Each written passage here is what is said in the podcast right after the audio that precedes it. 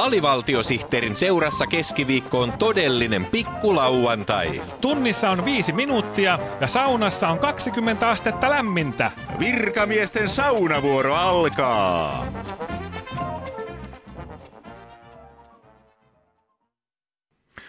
Kauppa se on, joka kannattaa, mutta alkuviikon uutisten perusteella vähittäiskaupan myynti on kuluneen vuoden aikana laskenut 2,4 prosenttia.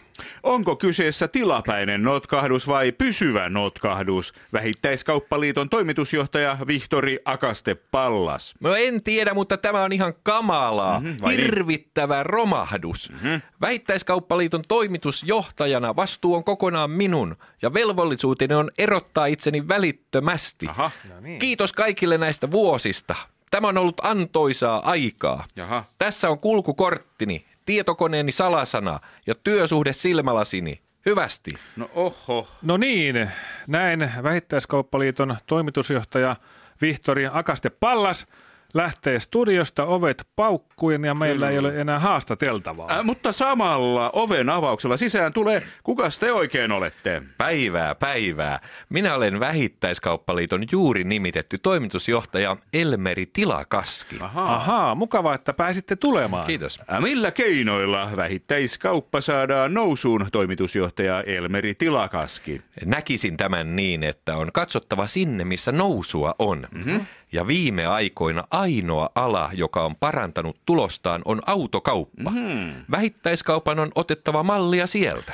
Vähittäiskauppa aikoo siis valehdella päästölukemiaan. Ei, ei, ei, ei.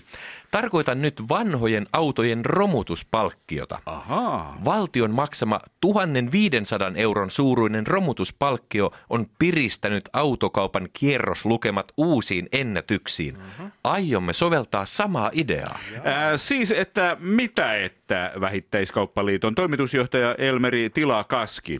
Otetaan esimerkiksi kuulakärkikynä. Mm? Suomen kuulakärkikynä kanta on Euroopan vanhinta. Joo. Vanhat kuulakärkikynät likaavat ympäristöään, joten niistä on haittaa enemmän kuin hyötyä. Totta, totta. Niinpä olisi kaikkien etu, jos valtio maksaisi 1500 euroa jokaiselle vanhan kuulakärkikynän omistajalle, joka laittaisi vanhan kuulakärkikynänsä kierrätykseen ja ostaisi uuden, vähemmän likaavan kuulakärkikynän. Ah, Luuletteko, että tällainen temppu loppu saisi ihmiset vaihtamaan kuulakärkikynänsä uuteen kuulakärkikynään. Kyllä. Ja valtio on tyhmä, jos se ei lähde tähän mukaan ja ala soveltaa romutuspalkkiota muihinkin vähittäiskaupan tuotteisiin. Mm-hmm.